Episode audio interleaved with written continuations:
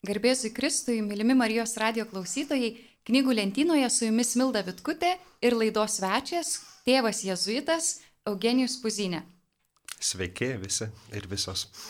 Kadaise senais laikais tėvas Eugenijus Puzinė buvo atsakingas už muziką Marijos radijoje, bet šiandien jis sugrįžta kitų ampluo.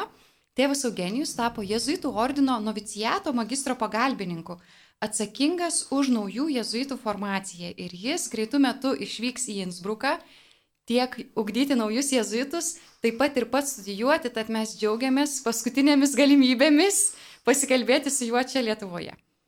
Malonu ir man. Šiandien kalbamės apie kunigo Timočio Galagerio knygą Dievo valios įžvalga. Švento Ignaco Lojolos krikščioniškų pasirinkimų vadovas. Tėvas Timotis Galageris nėra jezuitas, nors jis rašo apie Ignaco dvasinės pratybas, jis yra nekaltai pradėtosios mergelės Marijos oblatų kunigas. Tad pirmiausia, norėčiau paklausti, tėvė Eugenijų, kaip jums sekėsi skaityti Galagerio knygą? Ar atpažįstate tą patį Šventą Ignacą Lojolą, kurio remiate savo e, jezuitiškose dvasinėse pratybose? Taip, nu, čia ir yra ta tokia nuostata graži. Niekada ignaciškas dvasingumas nebuvo jezuitiškas dvasingumas, o yra bažnyčios dvasingumas, visai bažnyčiai skirtas ir visada tiek pasauliečiai, moteris, vyrai, tiek kunigai, vienuolės kitų E, kongregacijų visai mielai randa, taip kaip ir mes, jėzuitai, visai džiaugiamės skaitydami e, kryžiaus Joną ar kažkokį kito, kitokio dvasingumo, e, reiškia, autorius. Tai tikrai tėvas Galageris yra ignaciško dvasingumo specialistas, tai yra jo specializacija ir akademinė prasme, ir žinovas, ir praktikas, ir konferencijai reiškia, konferencijas veda, taip pat ir palydi, manau, nemažai žmonių. Ir ta jų draugija visai irgi, kaip sakant, remia remiasi, mm, sakykime, ignaciško dvasingumo dovanomis. Tai man nėra neįprasta, kad ne jezuitas rašo ir tikrai tėvas Galageris daug ir gausiai cituoja visuose savo darbuose ir kitų jezuitų tyrinėtojų ignaciško dvasingumo veikalus, tiek pats yra įsigilinęs ne ką mažiau negu kažkoks jezuitas, bet koks. Tai Jo stilius yra labai įdomus, paprastas, aš pavadinčiau trupučiuką amerikoniškas, tą gerąją prasme, kad moka pateikti mintį populiariai, e, tai reiškia, kad nelabai akademiška, o žmonėm pritaikyta, bet tuo pačiu ir nenueina į tą tokį suvulgarinimą arba labai tokį supaprastinimą. Tai tikrai labai lengvai skaitėsi knyga vienu įpu. Tai nėra pirma į lietuvių kalbą išversta tėvo Timočio Galagerio knyga. Ir norėjau paklausti, ši knyga, nors ji yra bendrai apie dvasinės pratybas, ji turi tam tikrą auditoriją. Kaip sako knygos pavadinimas, Švento Ignaco Lojolos krikščioniškų pasirinkimų vadovas. Taigi pats autorius sako, kad ši knyga padės žmonėms, kurie nori priimti sprendimą gyvenime, kai jie renkasi tarp dviejų gerų dalykų ir nori žinoti, kokia yra Dievo valia. Ar galėtumėte praplėsti labiau, Kam skirta ši knyga? Kokioje gyvenimo situacijoje turėtų būti žmogus, kad ši knyga jam prakalbėtų? Nu taip, knyga tikrai be išimties skirta visiems ir visom. E, tikrai nebūtina, nors pavyzdžiai dominuoja, ar ne, matom tarptų didžiųjų pasirinkimų žmogaus gyvenimo, tų kryškelių vadinamųjų, ar ne, kada mes sprendžiame, kokį pašaukimą pasirinkti, ar santoką, ar vienuoliniam gyvenimui, ar kunigiškam, bet aš čia sakyčiau, taip ignaciškai žiūrint, bet koks svarbus pasirinkimas mano gyvenime, o mūsų gyvenimas žmonių visada yra pažymėtas tam tikrais pasirinkimais ir lemiamais ir svarbiais ir mažiau svarbiais, tai, sakykime, ta visa išminti Švento Ignaco iš jo dvasinių pratybų, jinai tikrai yra pritaikyta kiek, kiekvienam ir kiekvienai, tuomet, kai, kai turiu pasirinkti ir kai nėra aiškumo arba kai esu kažkokiose abejonėse ir noriu tam tikro metodo arba metodų pagalbos kas man padėtų padaryti tikrai gerą pasirinkimą, kuris būtų, nu, kaip čia pasakyti, suderintas su Dievo valia. Arba dar tiksliau tariant, kad tai, tai, kas man padėtų pasirinkti Dievo valią vienoje arba kitoje situacijoje. Tai čia, sakyčiau, tikrai galim išplėsti iki begalybės. Mes čia kalbame su jumis, lik visiems būtų savaime suprantama, kas yra Švento Ignaco Lojolo dvasinės pratybos. Tad gal galėtumėte trumpai pristatyti, kas tai yra? Nu, dvasinės pratybos labai pačios yra gražiai apibūdinamas e, tėvo Ignaco, paties autoriaus Lojolos. E, kad tai yra bet koks būdas, bet kokie būdai, kurie padeda ištirti Dievo valią, ištirti save, suprasti savo gyvenimo tikslą, e, labiau susijungti su Kristumi, gyventi susivienijus su Kristumi, taip pat suvokti, kam aš esu sukurtas ir pagal tai savo gyvenimą visą pakreipti. Ir dar kitaip tariant, pamatyti, kokios yra kliūtis, kurios trukdo tam pagrindiniam tikslui žmogaus, o žmogaus tikslas pagrindinis anot tėvo Ignaco yra garbinti Dievą, atsigręžti į Dievą, kas padėtų ir kas trukdo tai pamatyti ir tiesiog gyventi pilnesnį, e, autentiškesnį krikščionišką gyvenimą, taip paprastai tariant. Ar galėtume trumpai pasakyti, kaip konkrečiai šios pratybos atrodo? Mhm. Nu, čia visa atskira tema galėtų būti apie dvasinės pratybas, kad kaip sakant, vien tik tai taip siaurai apibriežti nėra paprasta, bet kaip mes žmonės įprastai krikščionys girdime, o ignaciškos rekolekcijos arba dvasinės pratybos, pirmoji savaitė, antroji, trečioji, ketvirtoji. Ir ką tai reiškia? Tai reiškia, kad yra tam tikras metodas, maždaug apimantis mėnesio laikotarpį, jeigu taip apitikrai eitume iš eilės. Ta mes darome du kartus gyvenime jezuitai, visas ilgasias, didžiasias pratybas praeit dvasinės, tai reiškia visą mėnesį skiriam priklausomai nuo situacijos ir nuo asmens. E, praeiname pirmą savaitę, antrą savaitę, trečią ir ketvirtą. Ir kiekviena iš tų savaičių turi savo tam tikrą dinamiką ir savo mažesnį tikslą, bet, kaip sakiau, pagrindinis tikslas yra gyventi pilnesnį, samoningesnį krikščionišką gyvenimą taip asmeniškiau pasirinkti Kristų, juo sekti ir paskui, kaip čia pasakyti, siekti tos meilės didesnės ir Dievui, ir kitiem. Tai tokia, tokia kaip čia pasakyti, pratybos arba užsiemimai yra maldos praktikos, meditacijos, vedant patyrusiam kokiam vedėjui rekolekcijų, palydint tą mano maldą, bandyti daryti išvalgas. Ir, ir vienoje iš tų savaičių, pavyzdžiui, antrojoje yra visą laiką klausimas apie pasirinkimą ir taip toliau, jeigu dar nėra pasi, padarytas pasirinkimas ir jeigu toks tikslas yra. Tai šita knygutė Dievo valios išvalga yra, e, kaip čia pasakyti, ištrauka, mažutė ištrauka vieno momento, kuris yra dvasinių pratybų antrojoje savaitėje. Kaip tik norėjau jūsų klausyti, tai kaip įsipaišo štai ši knyga apie Dievo valios išvalgą apie dvasinės pratybas. Ačiū, kad iš karto atsakėte į klausimą. Grįžkim dar prie pačios knygos. Pavadinimas sako Dievo valios išvalga. Ką reiškia šitas žodis įžvalga? Nes labai dažnai mes norim žvelgti į save, suprasti, ko aš noriu, bet čia kalba apie Dievo valios įžvalgą. Tai iš vienos pusės atrodo, Dievas juk yra visagalis, didis, kuriejas, kaip aš galiu išvelgti jo valią, bet iš kitos pusės jo valia skirta man. Tai kaip suderinti dalykus Dievo begalybę, nepriepiamumą ir įžvalgą į jo valią? Na taip, Dievas nėra savitikslė būtybė, tą mes žinome, nors jis, jam nereikia mūsų, kad jis egzistuotų, tačiau pats būdamas savyje meilė, trejybinė, jisai kūrė pasaulį, ar ne? Tai reiškia, kad visi dėsniai, visa tai, kaip yra surėdytas pasaulis, kokią vietą aš jame turiu, kokį pašaukimą, kokią misiją, tai iš tikrųjų atsispindi toje Dievo valioje, to, ką jis norėjo. Kaip gražiai sako šventasis raštas, ar ne? E, jeigu nebūtum norėjęs, nebūtum sukūręs, o jeigu sukūrė, vadinasi, myli ir nori, tai pažinti tą Dievo meilę kažkuria prasme ir pamatyti, kad aš esu tos Dievo meilės dalis šitame pasaulyje ir atpažinti, kad aš esu tikslingas.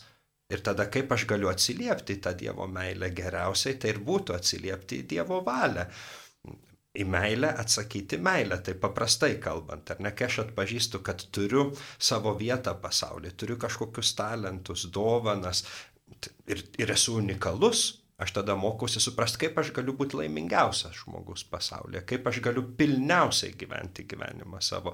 O tai yra neatsiejama nuo mano pasirinkimų, pašaukimo ir taip toliau. Tai mes va taip mokome savo gyvenime atpažinti, ką Dievas jame įrašo. Tai būtų toks Dievo valios atpažinimas. Ir mūsų klaida žmonių dažniausiai yra toks rigidiškas supratimas apie Dievo valią.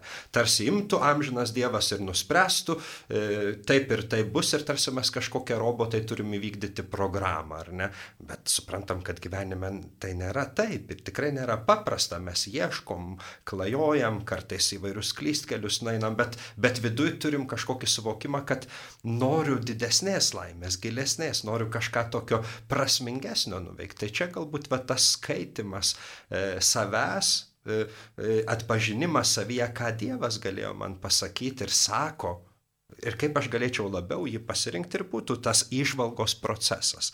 Tikrai yra labai svarbu e, akcentuoti ir aš tą visą laiką darau ir visose rekolekcijose ir, ir kiti jėzuitai, kurių rekolekcijose aš dalyvavęs ir ne tik jėzuitai.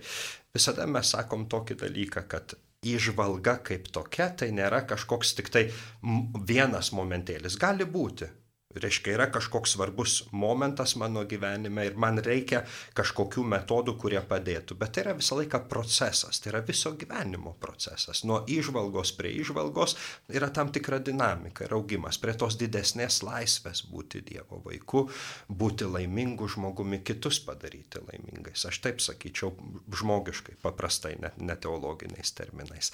Tai tai yra procesas. Ne tik tai planas, aš čia projektą padariau, dabar noriu pasirinkti tai ir tai. Ne, aš klausausi, yra daug vietos klausimuose. O ką Dievas sako man konkrečių klausimų, konkretaus pasirinkimo atžvilgių. Tai tai ir būtų tas visas procesas įžvalgos. Jūs klausotės laidos knygų lentynoje, su jumis Milda Vitkutė ir tėvas Jėzuitas Eugenijus Puzinė. Mes kalbame apie katalikų pasaulio leidinių knygą Dievo valios įžvalga Švento Ignaco Lojolos krikščioniškų pasirinkimų vadovas, kurią parašė tėvas Timotis Galageris.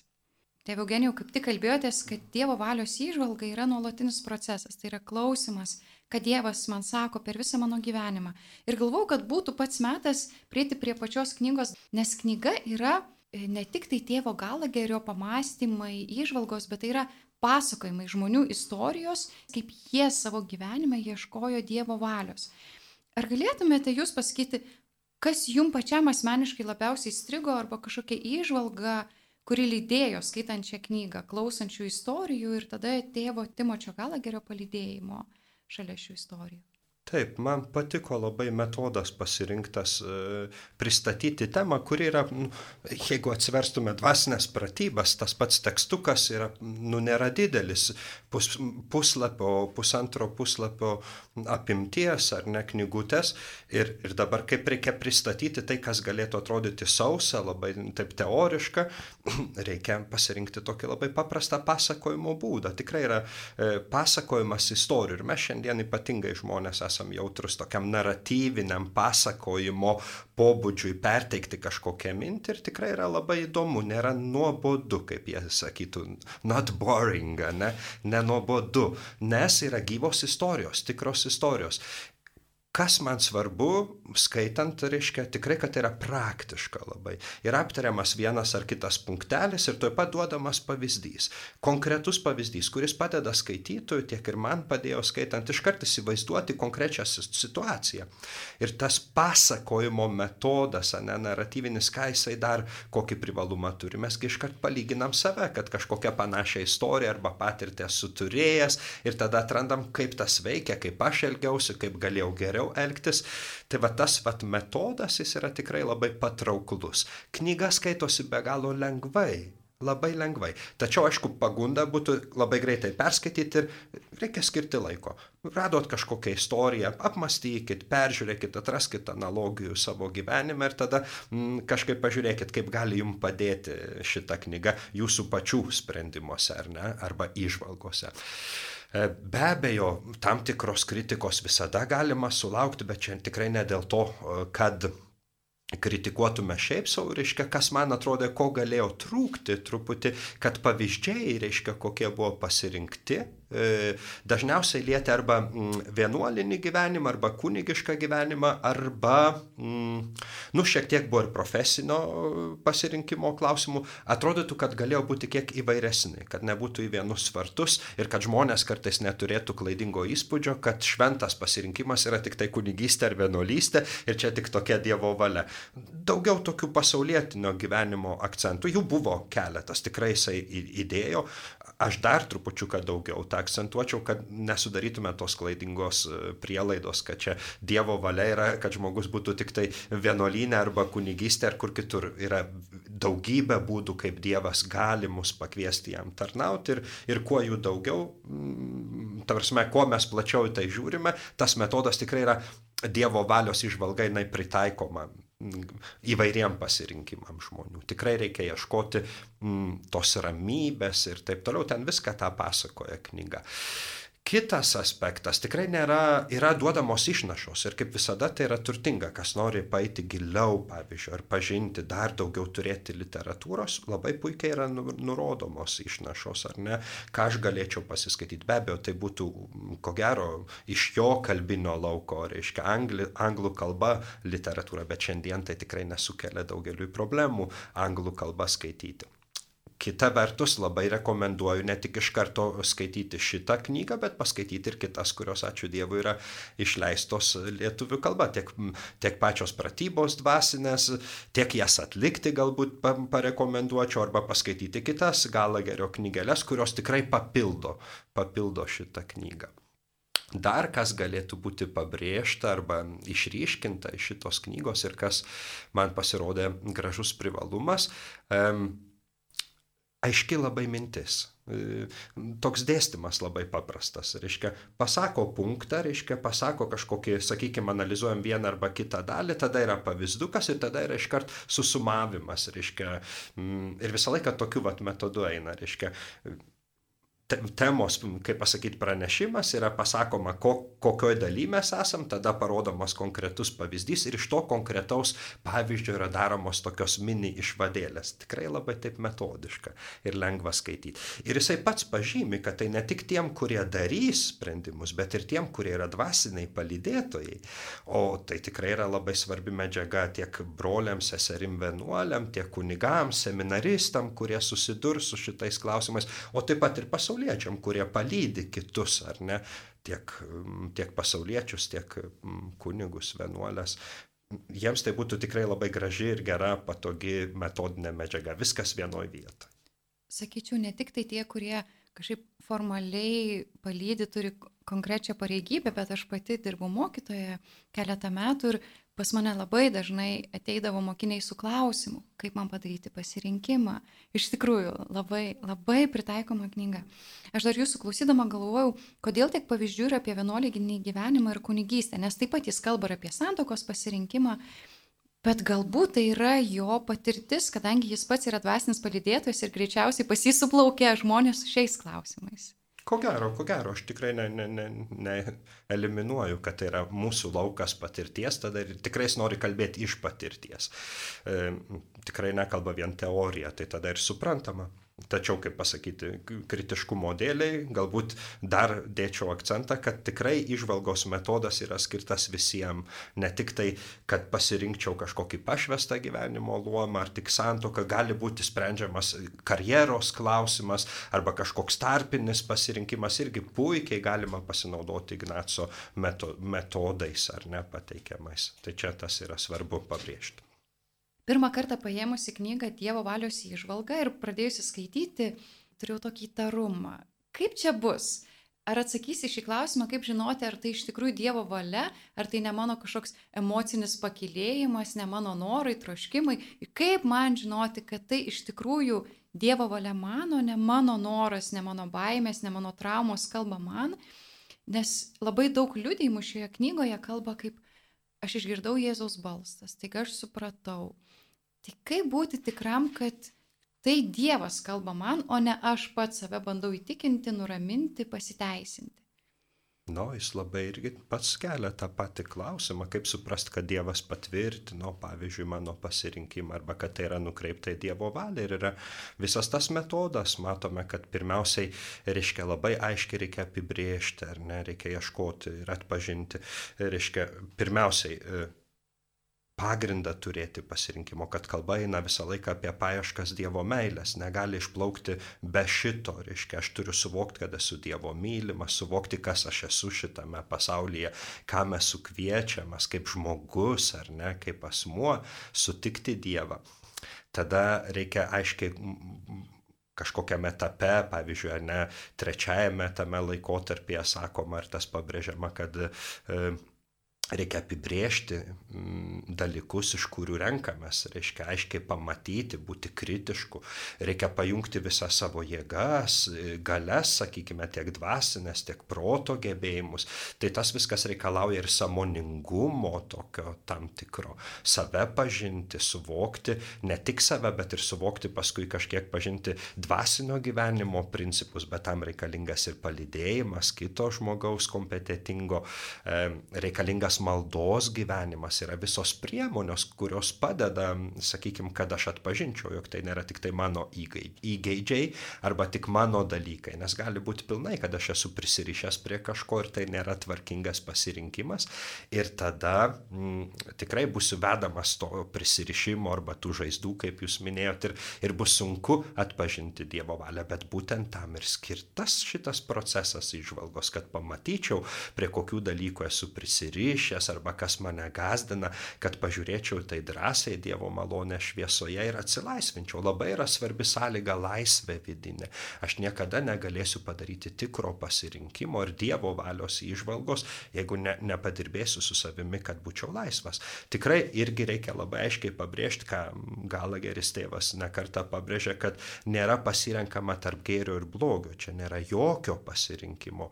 Jeigu aš darau blogą arba esu kažkokio tokio situacijoje, nuodėmės arba dar kažko, tai man pirmiausia reikia susitaikyti su Dievu, atrasti ramybę vidinę, vėl atrasti, kad aš esu mylimas ar nenusidėlis, kad Dievas man atleidžia, kai atrandu tą ramybę, kai susitvarkau, kai, kai tą laisvę vidinę pradedama atgauti, tada jau yra antras žingsnelis bandyti žvelgti, į ką Dievas mane kviečia. Tai yra visas tas procesas. Pasirinkimas yra tarp gėrio ir gėrio, o mes taip sakydavom dar, reiškia, iš gero į dar geresnį. Tai čia tas ignaciškas šūkis viskas didesniai Dievo garbiai. Viskas yra gerai. Tas yra gerai, tas yra gerai, Dievas tai sukūrė, bet kas man bus geriausia ir kas labiausiai padės man Dievui tarnauti. Va čia va ir yra tas va išvalgos procesas, kuris mums padeda. Šiek tiek tokia magis dinamika, netgi sakyčiau. Magis reiškia daugiau. Aš sėkiu daugiau, aš sėkiu giliau. Kaip labiau Dievui tarnauti. Kaip pats autorius knygoje cituoja šventąjį Džoną Henry Newmaną, esu sukurtas daryti tai ar būti tuo, kuo nesukurtas būti niekas kitas. Man skirtoji dalis Dievo planuose, Dievo pasaulyje nepriklauso niekam kitam. Dievas mane pažįsta ir šaukia mane vardu. Man pačiai labai patiko, kad, kaip jūs sakėt, knyga sudėta etapais, kaip atpažinti Dievo valią ir vienas iš pirmųjų etapų yra atpažinti, kad Dievas mane myli, kad Jis man turi planą ir aš turiu kažkokį savo išskirtinį planą. Tai nėra kaip e, bendrai planas, štai tu turi baigti mokyklą, studijas, turėti darbą, sukurti šeimą, bet yra man skirtas planas. Ir istorijose, kurias e, skaitome šioje knygoje, labai daug kas sako, aš supratau, kad aš esu laisva pasirinkti, pavyzdžiui, sako viena vienuolė. Arba aš supratau, kad Dievas mane taip stipriai myli ir nori, kad aš rinkčiausi šį sutuoktinį, Nes ir šis stoktinis man parodo Dievo meilę man.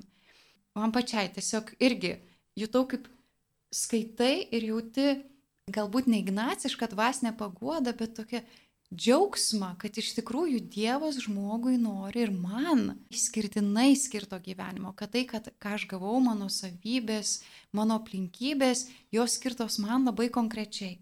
Tai tik norėjau pantrinti e, tam, ką jūs sakėte apie laisvę, apie Dievo meilę ir man konkrečiai skirtą gyvenimo planą. Ar iš tiesų tai yra pamatinė krikščioniška nuostata, mūsų suvokimas apie Dievą, ar ne, kad Jisai mus myli, pirmiausiai sukūrė meilę, kad Jis kiekvieną mūsų asmeniškai myli ir pažįsta. Nėra Dievas kažkokia tikrovė, ne, nepažinys pats nori būti pažintas. Ir tada m, mm, Jis ateina į mane su tuo visų pliūpsniu meilės kūrybos ir aš jaučiuosi, kad esu unikalus jo akivaizdoje. Tai yra labai svarbu. Ir paskui ta dovanota didžiulė laisvė ir pasitikėjimas Dievo man dovanoti, ką aš norėčiau su tuo daryti ir ką turėčiau daryti su tuo. Čia labai yra svarbus gyvenimo klausimas, prasmės klausimas. Ir nestebina, kad kiekvienas labai savitai tai atranda, juk Dievas kalbina kiekvieną asmeniškai. Negali būti ne vienos pašaukimo istorijos arba pasirinkimo istorijos, kuri bus vienoda ar būtų vienoda. Neįmanoma, nes kiekvienas žmogus turi tam tikrą savo, kaip čia pasakyti, patirties bagažą. Ir mes žinome, ar ne, tie, kurie gyvenam dvasinį gyvenimą, kad Dievas mėgsta kalbėtis asmeninę kalbą, ne kažkokiam nukaltom frazėm, ne kažkokiam tokiom tezėm, kaip čia reikia, dėl to, kad reikia, bet tai yra asmeninis susitikimas. Iš čia išplaukia tikrai tas, tas labai svarbus suvokimas, kad esu unikalus, kad esu Dievo kviečiamas atsiliepti mano būdu, savo būdu kad būčiau laimingas ir tada žinom, kad kai aš esu laimingas, kai atrandu tą vienybę su Dievo valia, tada ir kitus galiu daryti laimingus, nes esu tikslingas žmogus, atradęs savo tikslą, aš veikiu, einu į priekį, kurdamas gėrį ir savo, ir kitiems. Tai čia yra kažkas tokio labai nuostabiai unikalaus. Jūs klausote laidos knygų lentynoje, pristatome knygą Dievo valios įžvalga, kurią parašė Timotis Galageris ir su jumis laidoje Milda Vitkutė ir tėvas Jėzuitas Eugenijus Puzinė. Knyga yra suskirstyta į tris dalis. Joje kalbama apie pasirengimą, įžvalgą ir vaisius. Tėve Eugenijų, ar galėtumėt pristatyti, kodėl štai toks knygos planas, kas tai per metodas ir kodėl svarbu eiti nuosekliai šiuo metodu? Na, jį diktuoja pirmiausiai pats tekstas, kurio remiasi tėvas Galageris, tai yra Ignaco dvasinių pratybų ištrauka, kur yra Ignaco pateikiamas, reiškia, būdas arba metodai, kaip pasirinkti. Tai jisai pasirenka tą pačią struktūrą, tik ją praplečia, ar ne? Ir man atrodo yra labai svarbu suvokti, kad tikrai, kaip mes ir minėjom, prieš tai procesas yra unikalus, bet kažkas padėtų man arba aš pats savo atpažinti, kurioje vietoje aš esu, kad tikslingai galėčiau eiti tuo procesu. E, ir išskiriama tėvo Ignaco ir tėvo Galagerio, ar ne, kad yra e, tie trys būdai pasirinkti. Reiškia, labai svarbu yra pasiruošti pirmiausia visada ignaciškam dvasingume, bet ir šiaip, bet kokiam dvasingume. Nu, reikia nusiteikimo, suvokimo, ką aš darau, įsisamoninimo, tos laisvos valios, noro ieškoti Dievą ar jį surasti, jo valią pažinti, ar ne tas visas dosnumas, pasirengimas. Ir visada yra pabaiga kažkokia natūralu. Tai kodėl aš pasirenku ir kokie yra vaisiai. Tai čia yra normalu, kad mes esame įrėminti šitais dviem dalykais. Tačiau pats procesas jis irgi yra trejopas. Mes matome matome, kaip ir sakiau, kad Ignacas išskiria tuos tris vadinamus laikotarpius. Tai šiuo atveju paaiškina ir tėvas Galageris savo išnašoje, kad laikotarpio neturėčiau suprasti kaip laiko tik tarpo, bet tiesiog kaip etapą arba kaip kažkokį vieną mo momentą, bet tai nelabai, labiau ne laiko prasme, o tiesiog taip plačiau kažkokia mano gyvenimo dalis arba randuosi va tokio ir tokio situacijoje galbūt etapas, situacija būtų net labiau tiesiog tėvas Ignacas tai vadina laikotarpiu, laikas, tempo. Dabar reiškia, pirmas laikotarpis, ten labai daug pasirinkimo nereikia daryti ir išvalgos, kaip sako, ar ne, ir pats Ignacas. Tiesiog Dievas duoda labai aišku suvokimą ir patvirtinimą ir viską vienoje vietoje. Ir šitoje vietoje vidus žmogaus, jo siela, jis pats tiesiog suvokia, kad kitaip ir negali būti. Ir pasirenka. Ar ne, aišku, vis tiek lieka laisvė, nėra, kad čia kažkaip automatiška. Aš pamatau, kad Dievas mane kviečia labai aiškiai ir tada aš turiu net paskatinimą vidinį valios atsiliepti dosniai ir aiškiai iš tą kvietimą. Tai tas pirmas laikotarpis toks unikalus ir tikrai yra gražių pavyzdžių ten pateikta ir mes savo gyvenime tikrai ko gero turime kažką panašaus turėję. Vienas arba kitas dalykas, va čia man yra aišku, kad tokiu būdu vykdau Dievo valią ir einu drąsiai ir iš kažkur ta jėga tiesiog neša. Tai tas pirmas laikotarpis. Antras yra subtilesnis, e, kada jau procesas vyksta įvairūs viduje, yra įvairūs postumiai dvasiniai. Tas antrasis yra labiau jau bus remiamasi tuo ir yra tarp kitko knyga išleista apie dvasių skirimą, tai metodas reikalauja tokio introspekcijos arba dvasinio gyvenimo pažinimo. Mes esam judinami įvairių ar ne judesių, mocionės, kaip sakytų Ignacas, judesiai. Arba taip mes vadinam dvasios skirtingos, tai tikrai čia nieko bendro su Halloweenu ar egzorcizmu, bet turiu mintie tam tikros uh, nuojautos pojūčiai, kažkokie dvasinės patirtis arba pozityvios arba negatyvios, arba iš piktosios dvasios, arba iš šventosios dvasios, aš turiu pažiūrėti. Ir čia vat labai svarbus tas paguodos, nepaguodos suvokimas ignaciškas, kad aš jaučiuosi vienybėje su Dievu arba kokioje situacijoje jaučiuosi atsiskyręs. Ir dabar va, tas visas vidinis procesas atpažinti, kad Dievo valia sutampa su paguoda arba su ta ramybė kažkokia ir aš turiu siekti ir ieškoti atpažinti. Ir galiausiai tas trečias metodas, jis gali būti susijęs, ar ne? Antras ir trečias, kaip sako tėvas Galageris, yra tuo met, kai Aš turiu įjungti ir savo prigimtinės galės, tokias kaip protas, apsvarstyti. Tai tada pasirenku aiškiai objektą, iš kurio turiu rinktis, nes pasirinkimas visada suponuoja, kad tai yra mažiausiai du dalykai, kartais gali būti ir trys, ar ne, ir net keturi. Čia, kaip sakant, priklauso nuo situacijos. Bet tada aš apsvarstau kiekvieno iš tų dalykų ir privalumus, ir trūkumus. Tada protą įjungiu, pabandau suprasti, okei, okay, kas būtų geriausiai, ko Dievas norėtų, kas būtų geriausiai man, kitiem, kas labiausiai atitiktų Dievo valią. Ir čia toks jau įsijungia ir proto darbas. Ir tada įvairūs tokie paskatinami momentėliai, kada galbūt man nesiseka. Ir čia dažnai tokia mūsų situacija. Atrodo ir tą žinau, ir protų suvokiu, bet širdis tarsi draskosi tarp tų skirtingų pasirinkimų. Labai puiku, einam į tą trečią metodą, pažiūrim, kaip atrasti vidinę laisvę pirmiausia ir ant tos laisvės pasitikėjimo Dievu toliau protu, ramiu protu apžvelgti, pamatyti, kas būtų tikrai naudinga ir tikslinga. Ir tada tai pasirinkti. Ir jeigu net nepavyksta, čia yra tie vadinamos tokios piliulės paskatinančios, aš sakyčiau, pasitikrinimai pavyzdžiui, mano gyvenime irgi yra tekę ne kartą rinktis, arba kai aš turėjau rinktis, pavyzdžiui, ar toliau tęsti vienuolinį gyvenimą, aš tikrai pasinaudojau va, tuo trečiuoju etapu ir tikrai pats galiu pasakyti liūdimą, kad metodas veikia. Tikrai man kas padėjo įsivaizduoti mirties akivaizdoj, ką būčiau rinkęsis. Ir čia yra vienas iš tų trečiojo būdo, trečiojo laiko momentų, kad aš apsvarstau, ką galėčiau rinktis, ką būčiau rinkęsis, jeigu būčiau dabar miręs. Ta prasme, jeigu vat ateitų mirties akivaizda, tada išriškėja, taip suobjektyvėja viskas, kad svarbiausi dalykai būtų tie ir tie. Tai rinkis ir dabar tai. Arba vat, vat tokie dalykėliai. Tai čia tas nuoseklumas, aš galiu atsidurti arba viename, arba antrame, arba trečiame, kartais galiu atsidurti tarp antro ir trečio ir tada tie metodai nu, padeda pažinti tą situaciją savo ir, ir tikslingiau pasirinkti. Kalbate apie štai tokį metodišką dvasinį palydėjimą. Ar užtenka, ar tikrai žmogus galėtų tiesiog pasiemę šią knygą priimti sprendimą, ar visgi jam reikėtų ieškoti dvasinio palydėtojo? Na taip ir pats tėvas Galageris visą laiką pabrėžia pozityviai didelę reikšmę pastabumo, tai reiškia mano darbo dalis yra stebėti savo vidinį gyvenimą, stebėti tuos visus postumius, judesius dvasinius, analizuoti savo intencijas, tai yra neatsiejamoji mano darbo dalis. Tačiau visą laiką sako yra ir tų priemonių svarbių, kaip malda, ant gamtinės priemonės, Euharistija, išpažintis, visi kiti dalykai yra labai svarbu turėti. Tai yra, tai yra maldos procesas, reiškia išvalga dvasinė arba Dievo valios išvalga tai yra taip pat ir maldos procesas. Aš turiu kalbėti su Dievu, turiu klausytis. Tai tai yra labai svarbu ir tai, kas priklauso nuo manęs. Tada e, be abejo yra svarbu atkreipti dėmesį, aš nesu vienas kažkokioj saloj gyvenantis, yra kiti žmonės, mano artimieji, su kuriais draugai, su kuriais kalbuosi, dalinuosi savo nerimu ar kitais dalykais. Irgi svarbu išgirsti, ką jie sako. Ir tada jis tikrai labai pozityviai pabrėžia tą svarbą, kad kompetitingas dvasios palidėtojas yra labai svarbi dalis dvasinės įžvalgos proceso. Praktiškai nebuvo ne vieno pavyzdžio, kur nevyktų vienaip arba kitaip tas palydėjimas iš šono pagalba.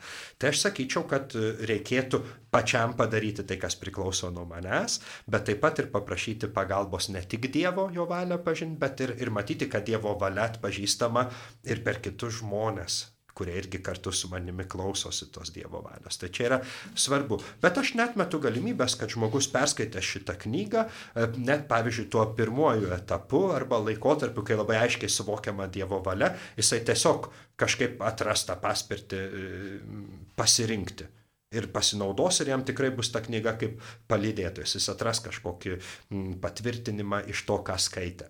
Ar ne? Ir, ir tikrai galės padaryti laisvą, gražų sprendimą savo gyvenime ir gerą pasirinkimą. Bet visada saugumo dėliai galbūt nu, mes ieškosim to patvirtinimo, kas yra labai žmogiška. Dievas, kad patvirtintų, bet kaip Dievas patvirtins? Ar duos man mintį kažkokią ir iš švento rašto suvoksiu ir suprasiu, o galbūt tai bus pokalbis su broliu sesė. Ir kurie irgi tarsi padės patvirtins, kad taip, taip, aš jaučiu, kad tai yra Dievo valia tau. Kaip šioje knygoje, tuose pasakojimuose, kuriuos cituoja tėvas Galageris, yra nemažai vietų, kur žmogus svarstantis apie kunigystę pasakoja. Manęs paklausė kunigas, ar aš negalvoju apie kunigystę. Ne, manęs paklausė draugė, ar aš negalvoju apie vienuolystę. O, tu būtum gera vienuolė. Ir pati prisimenu savo draugus, kai jie pasakojo savo e, pašaukimo istorijas, ypač į kunigystę ir vienuolystę. Beveik visi sakė, kad ateidavo žmogus, kuris duodavo mintį. Taip, ir nu, tai parodo, kad nu, tikrai kaip pasakyti, yra kažkas labai asmeniško santykėje su Dievu, unikalaus ir tikrai niekas kitas. Ir tai, kaip pasakyti, mano pats sprendimo procesas, visas brendimas, augimas, suvokimas, tai yra tikrai mano vidiniai dalykai. Bet taip pat yra ir išoriniai dalykai, e, kitų žmonių kažkokia pas, pastebėjimas, net galbūt ir kažkoks duotas ženklas. E, aišku, kaip sakiau, negali magiškai ieškoti vien sutapimų, bet taip pat būti atviriem ir stebėti, kad Dievas mane gali kalbinti įvairiausiais būdais. Tai būti atviram Dievo valios atpažinimo procese taip pat yra um, tapatu būti atviram ir tikroviai, kurioje gyvenu. Ir, ir įvykiam, kurie vyksta mano gyvenime, kad galėčiau juos interpretuoti ir priimti paskui atitinkamą sprendimą. Mes jau beveik baigėme laidą knygų lentynoje, kurioje kalbame apie katalikų pasaulio leidinių knygą Dievo valios įžvalga Šventojo Ignaco Lojolos krikščioniškų pasirinkimų vadovas, kurią parašė tėvas Timotis Galageris. Ir kaip laidos metu pabrėžėm ir kaip pats autoris pabrėžė, knyga skirta žmonėms, kurie nori suprasti Dievo valią, kuomet reikia padaryti gyvenimo apsisprendimą. Nerinktis tarp gėrio ir blogio, nes čia nėra kažkoks sprendimas, bet kaip pasirinkti tarp dviejų gėrių, arba kaip sakė tėvas Eugenijus, kaip pasirinkti tarp gero ir dar geresnio. Tai tėvė Eugenijų, paskutinė mintis, ką norėtumėt pasakyti žmonėm, kurie dabar yra kelyje, šitame apsisprendimo kelyje, kai atrodo tiek daug gero mano gyvenime ir kurį gėri pasirinkti. Tai tiesiog, kaip pasakyti, pasidžiaugti, paskatinti, saky, padrasinti, įgalinti. Tai, tai yra tikslas Ignaco dvasinėse pratybose padėti žmogui, mm, kaip pasakyti, atrasti Dievą ir būti laimingu žmogumi. E, žinau, kad nėra lengvas, aš pats esu palydėtojas, reiškia ir palydžiu žmonės e, dvasinio palydėjimo metu ir suprantu, kad tai nėra lengvas procesas, kartais įvairūs judesiai yra ir daug dalykų neaiškių, neįsigaskime. Tikrai yra tas gražus pašaukimas pašaukimas arba net ne pašaukimas, o procesas ieškoti pašaukimo. Ir tikrai ieškokime pagalbos, paskaitykime šitą knygą, jinai tikrai neš daug aiškumo, paprastumo. Pamatysit, kad tose situacijose arba istorijose perpasakotose galėsit atrasti save iš dalies. Tuomet tikrai yra labai svarbu, ką ir pati knyga pabrėžia, patikėti, tikėti ir pasitikėti, kad Dievas nori, nori mums to, kas yra geriausia, jis mus kviečia bendradarbiauti kartu su juo ir pasirinkti tai, kas mus padarys laimingus, o, ta, o tuo pačiu ir kitus. Tai nebijoti to proceso, ieškoti pagalbos tiek metodinės knygų prasme.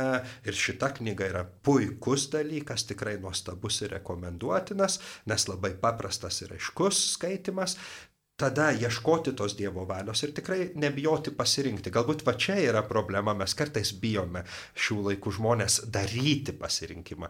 Yra gera daryti pasirinkimą. Ta visa ramybė, tos dovanos, tėvaisiai, kai mes tikrai pasirenkam Dievo valią, jos yra, jie yra gražus. Tai yra ramybė, tai yra vidinis džiaugsmas, tai yra laisvė vidinė padidėjusi. Tai šito visi mes norime, tai siekime ir, ir nebijokime to gražaus proceso, tyrimo, išvalgos. Ačiū, mylimi Marijos radio klausytojai. Ačiū Jums, tėvė Eugenijų Puzinė. Baigiame laidą su mintimi, nebijokite pasirinkimų, pasirinkimai suteikia laisvę ir krypti tolyn gyvenime. Sudie. Su Dievu.